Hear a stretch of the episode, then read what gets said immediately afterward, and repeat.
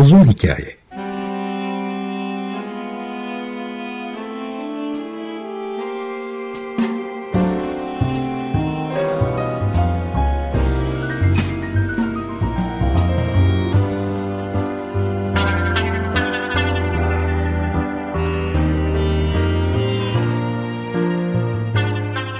Hazırlayan ve sunan Muzaffer Çorlu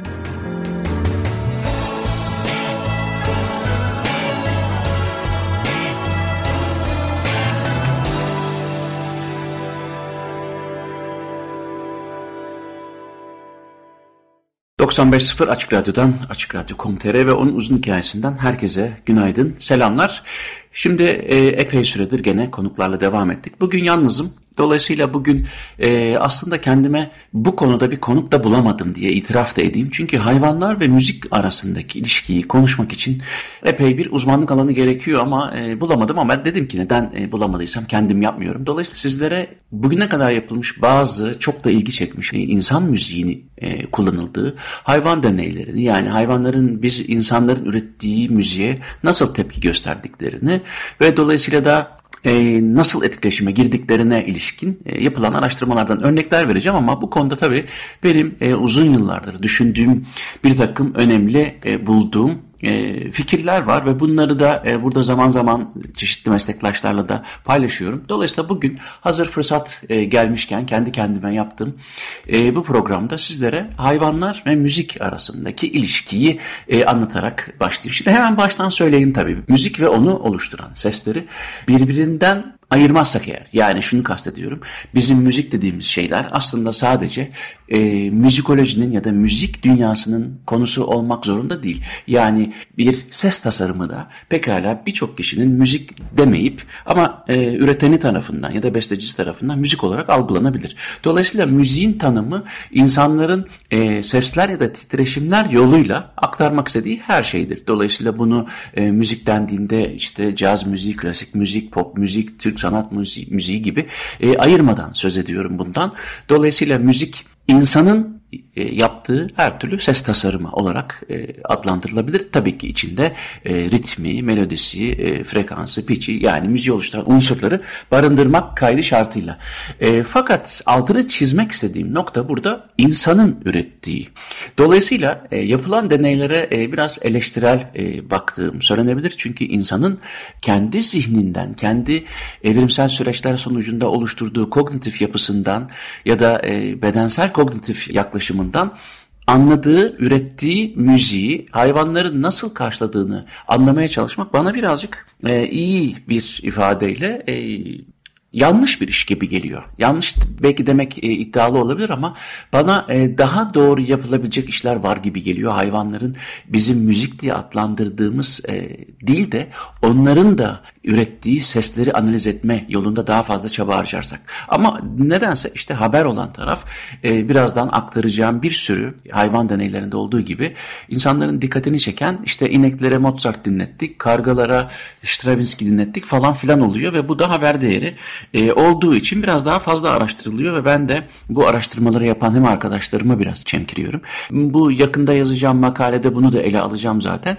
Hem de e, Açık Radyo dinleyicilerine burada uzun hikaye e, dinleyenlerine de e, bu konuda neler yapılmış ben ne düşünüyorum onu aktaracağım bugün. Dilerseniz şeyden başlayayım. Önce dediğim gibi hani Bach dinletilen fareler, Metallica dinletilen kediler birazcık can sıkmaya başladı. Çünkü dediğim gibi bizim duyabildiğimiz sesler ve bu seslere bizim akıl edebildiğimiz tasarımlar bizi ilgilendirirken biz dolayısıyla buna müzik diyorken bunların hayvanlar tarafından nasıl etkileşime girildiği e, dediğim gibi en iyi ihtimalle onların beynini bir defa hiçbir şekilde ciddiye almamak anlamına geliyor bana göre. Çünkü hayvanlardaki e, birbirleriyle iletişim kurmak için e, kullandıkları seslerin kompleksitesi zaten çok çok ilginç ve bize ilham oluşturacak bir takım sesler ve ritmik öğeler de taşıyor. Dolayısıyla aslında bizim onların çıkarttığı seslerden ne kadar ilham aldığımız dokümente edilmişken yani bugün de dinleyeceğimiz bir sürü eserde mesela en azından hayvanların ilhamlandırdığı bestecilerden, hayvanların çıkarttığı seslerden ilhamlanan ses tasarımcılardan bahsediyoruz ama bunun tersinden bahsetmek pek mümkün değil. Yani insanın ürettiği sesleri ancak işte e, bazı taklitler yoluyla bazı birazdan onları konuşacağız papağanların taklit ettiğini görüyoruz ama bu papağanların unutmayalım ki Nazi kampını e, andırır şekilde sürekli insan müziğine maruz bırakıldığını dolayısıyla aslında bir şekilde işkence edildiğini de söylemek mümkün. Bir başka deyişle yani eğer biz bizim dinlediğimiz müziğe verdiği tepkiye göre bir rakun beynini anlamaya çalışırsak o zaman tatlı anlayışları için işte bazı bok böceklerinin nereye konduğuna bakarak bizim kendimize bir menü hazırlamamız gibi çok yanlış bir yola gidebiliriz ama gerçekten de bunu e, yaptığımızı e, neredeyse söyleyeceğim yapılan çalışmalar bunu destekliyor bana göre. Dolayısıyla bugün birazcık aşırı derecede e, eleştiri e, yönelttiğim bir konudan bahsedeceğim ama e, yumuşak yumuşak başlayalım isterseniz. Önce bilim insanları hayvanların müziği fark edip fark edemediğini test ettiği birçok araştırmaya denk gelmişsinizdir. İşte bu Cullen Brown'un 2018 yılında e, köpek balıklarına caz dinleterek e, yemek vermiş ve caz ile yemek asosyasyonunu kurmuş. Yani köpek balıkları caz müziği duyduğunda yemek geleceğini dolayısıyla yemeğin verileceği yere gitti ettiğini göstermişler. Yani e, bir başka deyişle biraz e, soslayarak anlatacak olursam işte Mozart verildiğinde aynı yere gitmeyen köpek balıklarının e, Dave Brubeck dinlediklerinde aa evet yemek geliyor demesini gözlemlemişler. Buradan çıkarılan sonuç şu demek ki köpek balıkları Dave Brubeck ile e, Mozart arasındaki farkı anlıyor. Şimdi bu çıkarım son derece yanlış bir çıkarım. Çünkü her iki müziğin arasındaki farkı emüjya gibi bir hastalık var biliyorsunuzdur. Belki e, müziği anlayamama, bazı notaları anlamlandıramama gibi beyin tabanlı bir durum diyelim. Onlar hariç ki onlarda bile iki müzik birbirinden e, rahatlıkla ayrılabilir. Ama bu iki müziği birbirinden ayıramıyor olmak da çok büyük bir problem olmasa gerek. Çünkü sonuçta bu kültürel olarak bir e, altyapıyı gerektiren bir durum. Bunu da pozitif anlamda söylemiyorum. Yani pekala benim gibi Belçika'da yaşıyorsanız e, bir e, barok e, ve bir klasik müziği dönemsel olarak çok daha kolay ayırt edebilirsiniz ama e, Türkiye'de yaşıyorsanız, Türk kültürünü öğrenmişseniz çok rahatlıkla bir e, Karadeniz e, halk müziği ile Ege halk müziğini daha ilk notadan, ilk renkten, e, ilk cümleden anlayabilirsiniz. Dolayısıyla kültürlerden bu kadar bağımsız tutamayacağımız bu e, müzik türlerini e, hayvanlara dinlettiğimizde işte e, köpek balıklarını dinlettiğimizde a Brubeck'le Mozart'ı ayırt, ayırt edebiliyorları çok aşırı yorumlayarak e, hatta bazı gazetelerde de şöyle yazdı köpek balıkları caz müziğini çok daha rahat ayırt edebiliyor. İşte köpek balıkları acaba Dave Brubeck'i mi seviyor? Hayır. Oradaki bütün analizler iyi yapılırsa aslında birbirinden farklı iki frekans. Yani bir tarafta la bir tarafta da e, belki bizim yarım sesle anladığımız ya da hadi komaları da hesaba katarsak bir koma farkı duyabildiğimizin çok ötesinde köpek balıkları komanın da yüzde birini duyabiliyor olabilir ve aslında bu insanın asla duyamayacağı iki birbirine çok yakın ses frekansını e, gene onların yemek yiyeceği e, davranışla asosiye edebilirsiniz. Dolayısıyla ben bu 2013 yılında yapılan e, bu çalışmaya harcanan paraya birazcık üzülüyorum doğrusu. Aynı şekilde e, gene e, bu sefer Bach ve Stravinsky müziklerini ayırt edip edemedikleri bu, bu goldfish dedikleri şey var ya akvaryum balığı böyle hani altın gibi parlar. Onlara uygulamışlar ve de gerçekten de yemek verildiğinde e, Bach dinletildiğinde şuradan yemek geliyor, Stravinsky dinletildiğinde buradan yemek geliyor falan. E, hemen birkaç denemeden sonra onlar da Bach'la Stravinsky'yi ayırt etmişler. Burada işte yapılan yanlış dediğim şey, benim daha önceden de yazdığım bir makalede de bunu eleştirmiştim ben. E, buradaki konunu ne Stravinsky ne de Bach. Yani bunu ilgi çekmek için yaptıklarından e, çok şüpheleniyorum ve de bilim insanlarına bunu pek de yakıştıramıyorum. Çünkü e, Telemann ve de e, Mesayan da olabilirdi bu ve de e, çok durumun değişeceğini sanmıyorum. Ya da Harun Kolçak'la Tarkan da olabilirdi. Durumun gene fark edeceğini sanmıyorum. Hatta kapı ziliyle e, araba kornası da olabilir. Dolayısıyla bunu ilgi çekmek için sanki hani şunu yaparsanız onu anlarım. Mesela e, Schubert'in Alabalık Beşlisi'ni işte yaklaşık 150 farklı türe dinlettik. Sadece alabalıkları gidip şu davranışı gösterdi. Derseniz o zaman derseniz ki belki Franz Schubert acaba Alabalık Beşlisi'ni yazdığında e, bir müzisyen dehasıyla nasıl bir şey fark etti ki e, ürettiği seslerde alabalıkları ilgilendiren, alabalıkların ilgisini çeken bir e, müzikal titreşim var diye diye sorabilirsiniz ama öyle öyle yapılmıyor bu deneyler. Dolayısıyla da benim eleştiri oklarımı gayet haklı olarak yöneltmeme yol açıyorlar. Ama lafı gelmişken Alabalık Beşlisi'nden dinleyelim Schubert'in e, son bölümü Andante'yi sonra hayvan ve müzik deneylerini eleştirmeye tüm hızımla devam edeceğim. Evet, Franz Schubert'in Alabalık Beşisi'nin son bölümü Andante'yi dinledik. Aslında insanların uzun hikayesi olan müziğin hayvanlarla imtihanını konuşuyoruz. Köpek balıklarını, e, goldfishleri, e, akvaryum balıklarını geçtik. Şimdi 2001 yılında Leicester Üniversitesi'nde yapılan başka bir araştırmada e, REM dinletilen ineklerin %3 daha fazla süt verdiğini göstermişler. Şimdi hadi buyur buradan yak. Çünkü bu ineklere zaten bir Mozart dinletiyorlar. Hakikaten inanamıyorum. E, böyle araştırmaların yapıldığına.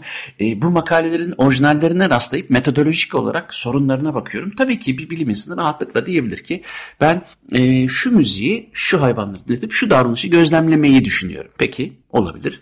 E, fakat şunu test etmiyor olmaları yani R.E.M. dinletmeselerdi de yani onun yerine başka bir şey dinleseler durum değişir miydi? Şöyle yapıyorlar tabii ki. R.E.M. dinletiyorlar. R.E.M'den yavaş bir parça. Metallica'nın da en azılı e, heavy metal parçasını koyuyorlar ve ikisi arasındaki farkı karşılaştırıyorlar. Burada gerçekten hiçbir ineğin R.E.M. veya e, Metallica üzerinde kafa yorduğunu e, hiç sanmıyorum. Burada o titreşimlerin, o frekansların bu hayvanların duyumsamasından sonra çok büyük ihtimalle tempoya bağlı olarak sakinleşip sakinleşmeyeceği sorunsalı önemli. Dolayısıyla REM dinletilenlerin %3 daha fazla süt vermesinden yola çıkıp çocuklarını REM eşliğinde süt veren e, insanların olduğunu duyuyorum. O yüzden de hani hani güler misiniz ağlar mısınız ama e, işte gazetelerin arka sayfalarında bu araştırmalar maalesef bu şekilde e, pompalanıyor. Hadi bir başkası da şöyle bir şey yapmış. O da Mozart dinletilerek e, acaba inekler gene süt veriyor mu? Evet gene daha çok süt veriyor falan filan. Dolayısıyla e, bunu destekleyen araştırmaların sayısı arttıkça insanların kafasında şöyle bir şey oluşuyor. Diyorlar ki ha demek ki e, bak Mozart veya Stravinsky daha iyi müzik. Bak ineklerde işte şeyi arttırıyor. Ya da hani 2012 yılında yapılmış bir başka araştırmada 117 evcil köpeğe klasik müzik ve heavy metal müzik dinletilmiş ve klasik müzikte bu köpeklerin daha rahat uyuduğu anlaşılmış. Yani o kadar yanlış, o kadar yanlış bir bakış açısı ki bu. E, hani Neyse ki alanım bu. O yüzden birazcık e, kızmakta e, kendimi böyle cömertçe kızıyorum. Çünkü e, sonuçta bu bir nöromüzikoloji konusu. Benim de e, doktora alanım bu. O yüzden de tutmayın beni. Bugün bunlara kızacağım.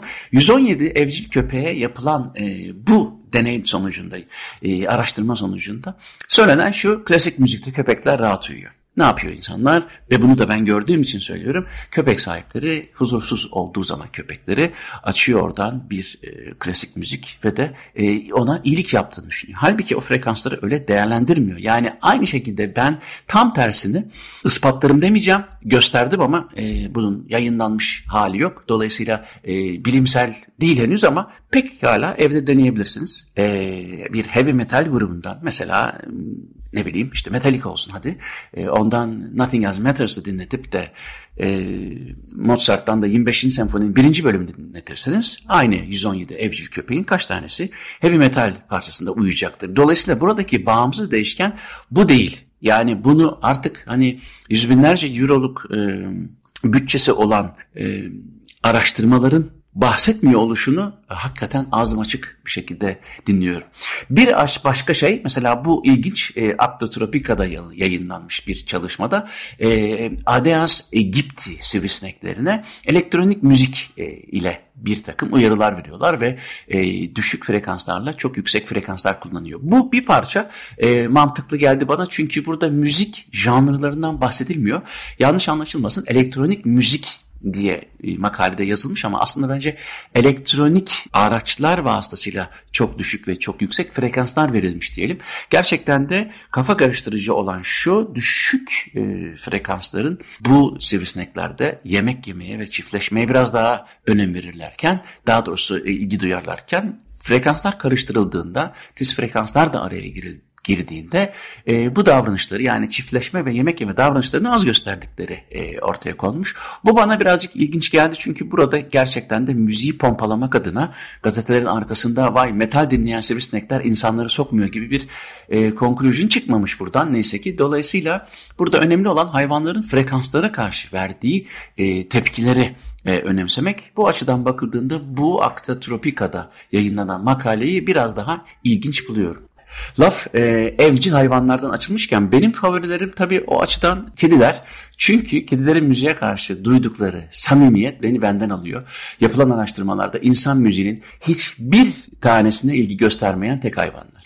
Yani Mozart mı çalıyor, Bach mı çalıyor, işte yani Metallica mı çalıyor hiç fark etmez. Hiçbir şekilde umursamıyorlar insanların yaptığı müziği. Fakat e, aslında Wisconsin Madison Üniversitesi'nden psikolog Charles Snowden ve e, Maryland Üniversitesi'nden besteci Davis Tye kedilerin aralarında kurdukları iletişimde kullandıkları sesleri, frekansları ve tempoları baz alarak bir beste yapmışlar. Bir müzik diyelim ona yapmışlar ve yaptıkları bu e, kombinasyonda e, gerçekten de ki bu Applied Animal Behavior Science'a da çıktı bu çalışma. E, kedilerin hiçbir e, insan ürünü müziğe ilgi duymamalarına karşın buna e, büyük bir yakınlık gösterdikleri e, ve de sesin kaynağına doğru gidip e, neler olup bittiğini anlamaya çalıştıklarını göstermiş. Şimdi bu çalışmadan şunu çıkarmak mümkün. Yani kedilerin aslında insanlara göre biraz daha e, akıllı davrandıklarını söyleyebiliriz. Yani eğer bizim ses frekanslarına karşı nasıl ilgi gösterdiğimizi görmek istiyorsanız o zaman bizim anladığımız dilden konuşun demiş oluyor kediler. Bu anlamda da bu e, çalışma bir açıdan komik ama bir açıdan da gene öğretici. Bir müzik arası verelim burada. Tarla kuşunun alçalması diye çevirelim. E, Vaughan Williams'ın The Lark Ascending adlı e, parçasını dinleyelim ama burada e, şu detayı da söylemek isterim. Dediğim gibi bir sürü besteciye ilham vermiş hayvanların ayrı bir program olacağından hiç kuşkum yok. Yıllar önce e, hayvan isimli parçalardan bahsetmiştim ama aslında bizim hayvanları hangi seslerle nasıl taklit ettiğimiz de son derece önemli bir bestecilik felsefesini barındırıyor. Ondan da çok yakında bahsedeceğim. Vaughan Williams'tan The Lark Ascending'i dinleyelim devam edeceğiz. Vaughan Williams'tan dinledik. The Lark Ascending e, bugün insanların yaptığı müziklerle hayvanların nasıl bir alakası var, yapılan çalışmalar neleri anlatıyor onları konuşuyoruz. Biraz önce kediler bahsinde Charles Snowden'ın ve de e, besteci David Hyen beraber yaparak yani bir psikolog, bir müzisyen beraber kedileri dinleyerek yaptıkları ses tasarımından kedileri nihayet insan üretimi bir ses tasarımına nasıl ve neden ilgi gösterdiğini anlattım. Daha doğrusu şunu demeye çalıştım orada. Gerçekten de araştırılması gereken nokta hayvanların çıkarttıkları seslerin çok detaylı analizi. E, aksi takdirde binlerce kilometreden birbirleriyle anlaşan ya da bir dertleri olan bazı hayvanların o sesleri neden çıkarttığı ve o kadar tiz ve çok enteresan ritmik yapıları olan bu seslerin e, başka bir hayvana nasıl mesaj verdiğinin şifresini çözmesi insanların gerçekten de iletişimde yeni şeyler geliştirebilir. Bu sadece müziği de ilgilendirmeyecektir demekten kendimi alamıyorum çünkü bu son derece önemli. Fakat hani hayvanlar üzerinde yapılan bu çalışmalar içerisinde gene aslında biraz kıymet verdiğim bir tarafta ritmik tarafı. Çünkü müziğin ritmik unsuru beni ucu açık bir araştırma konusu da olduğu için çok etkiliyor. Şöyle ki insanların nasıl yürüdükleri, kalbinin nasıl attığı insanlara kendi bedeninden yola çıkarak bir e, tempo ve ritmik referans veriyor. Dolayısıyla biz hızlı aslında neye hızlı diyoruz? Metronoma bakıldığında bizim hızlı diye e, tarif ettiğimiz şeyler bizim bedenimizle yapabileceğimiz hareketlerin hangileri hızlıysa o tempodaki kişileri de hızlı diyoruz. Yani aslında referans bizim bedenimiz. Kalp atışımızın e, yavaşladığı durumlarda diyelim ki çok sakiniz kalp atışımız ki bunun e, insandan insana değişir. Sporcu mu değil mi hasta mı değil mi çok değişir ama hani diyelim ki dakikada 50 atıyor olsun. 50 metronomda dinlediğimiz bir şey, e, dörtlüye birden bahsediyorum. Mutlaka insanda e, armonisinden daha önemli bir parametre olarak sakinleşmeye yol açıyor. Şimdi dolayısıyla biz bu referansı kendi kalp atışımızdan alıp da köpekte ya da işte fareden bunun nasıl etkili olabileceğini araştırmaya başladığımız anda onun e, ortalama kalp atışını ihmal ediyor olacağız ki bu metodoloji olarak zaten çalışmanın e, yere çakılması anlamına gelir. Fakat dediğim gibi ritmik unsurlar insanın bedeniyle dünya arasındaki ilişkiden yola çıkılarak bulunmuş ya da kullanılan bir unsur olduğu için için e, hayvanların da hareketli olmalarından ötürü benim ilgimi çekiyor. Örneğin bir kuşu düşünelim. Biz yürürken genelde hızlanmayız ve yavaşlamayız eğer e, belli bir amacımız yoksa. Bir yere A noktasından B noktasına yürüyorsak o tempomuz. E, acelemiz de yoksa birden bir haber gelmediyse ya da bizi durduran bir şey yoksa genelde stabildir. Yani genelde 80 metronomla ve de e, 40 santimetrelik bir adımla ilerleriz eğer özel bir amacımız yoksa. Şimdi A noktasından B noktasına giderken ki bu davranışımızı kuşlara eğer yorumladığımız zaman kuşlar A noktasından B noktasına giderken kanat çırpışlarını rüzgarın varsa eğer nereden geldiğine göre ayarlamak zorundalar ve o rüzgar tahmin edilebilir olmayabilir. E, dolayısıyla o tahmin edilemez rüzgarda onlar kanat çırpışlarını yavaşlatabilir ya da durdurabilirler. Yani rüzgarın kanatlarını kaldırma gücünden yararlanarak A noktasından B noktasına gidebilirler. Dolayısıyla bu arada da dinleniyor olabilirler. Onların doğayla iletişiminde bedenlerindeki hareketlilik bizimkinin çok tersi olabilir. Ritmik özelliklere bakıldığında. Ee, buna ilişkin çalışmalar yapılmamış. Baktım ya da ben rastlamadım. Siz rastlarsanız lütfen bana bildirin ama kuşların e, o çoğu tesadüfe de belki e, bağlı e, kanat çırpışları ki Ramon'un çok güzel bir eseri var e, Clarsen için yazdığı Le Rappel des Oiseaux olması lazım. Orada tabii insanın anlayacağı şekilde ritmik hale getiriyor onu. Halbuki e, aslında e, çok kısa e, bir iki cümle için doğrudur e, onun ritmik oluşu. Tıpkı gıt gıt gıdak gibi fakat birkaç dakika dinlendiğinde tıpkı kuşun e, çıkarttığı sesler gibi aslında küçük cümleler halinde evet ritmik bir tutarlığı var insanın anlayacağı şekilde ama uzun bakıldığında yani 5 dakikalık bakıldığında insanın kafasını karıştıran ritmik kombinasyonlar ortaya çıkıyor. Fillere gelelim çünkü filler bu bahsettiğim e, vurmalılardan yani ritmik öğelerden nasibini almış 16 tane fil Tayvan'da e, insanların onların çalabileceği şekilde ürettiği davullardan işte burunları vasıtasıyla tuttukları bagetlerle e, vurmaları istenmiş. Çok ilginç insanların e, anlamakta zorlanacağı kadar stabil bir tempoyu yakaladıklarını göstermiş. Yani e, diyelim ki çok yavaş bir tempoda örneğin metronomda 20 diyelim 20 BPM ki bu da yaklaşık 3 saniyede bir demektir. Siz bir deney yapın mesela bir programı açın ve kafanızda yaklaşık 3 saniyelik bir e, süre belirleyin ve bu 3 saniye aralıklarla kaleminizi masaya vurun ya da elinizi şıklatın bir şey yapın ama bu 3 saniyede bir olsun. Ve bunu göreceksiniz ki 1 e, dakika kaydederseniz 1 dakika ya da 5 dakika kaydederseniz standart sapması son derece yüksek olan yani 3 saniyeyi aşan ya da 3 saniyenin çok altında kalan intervallere böldüğünüzü göreceksiniz. Biz bu deneyi yaptık. Çok çok çok zordur. Hatta buradan da orkestra şefinin ne kadar önemli olduğunu anlayabiliriz. Çünkü en azından bari hata yapacaksa bir kişi hata yapsın hepimiz de o hatayı tekrarlarız gibi bir mantığı var onun. Fillerin çok uzun süre stabil bir tempoda kalabildiklerini göstermiş. Bu mesela bence araştırmaya çok çok çok değerli bir konu. Filler neden uzun aralıklı tempolarda ritmi eşit aralıklı olarak topyekün bu kadar stabil olarak tutabiliyor. Bunun cevabını bulduğum zaman sizinle paylaşacağım. Bir son müzik dinleyelim sonra ez cümleye geliriz. Bu da Olivier Messiaen'in The Blackbird'ı yani bizim benim bu yaşadığım yerde çok ünlü bir kuş Blackbird. Kara tavuk Türkçesi, Merel Hollandacası, Le Merel Fransızcası. Olivier Messiaen'in onlar için yazdığı beste dinleyelim son kısma geçeriz. Olivier Messiaen, Le Merle Noir, The Blackbird, Kara Tavuk dinledik. İnsan müziği ve hayvanların nasıl tepki verdiklerini konuşuyoruz. Son bölümde de hemen şunu anlatmak isterim. Aslında Snowball adlı bir kakodu papağanı yani gri Afrika papağanının kafasıyla uzun süre değişen tempolardaki müziğe kafa tuttuğunu diyebilirim çünkü kafasıyla ritim tuttuğu için e, gözlemlemiş. Anidut Patel çok önemli bir e, bilim insanı ve hakikaten bu konuda özellikle nöromüzikolojinin e, önemli insanlarından, bilim insanlarından biri olduğunu düşünüyorum ben kişisel olarak.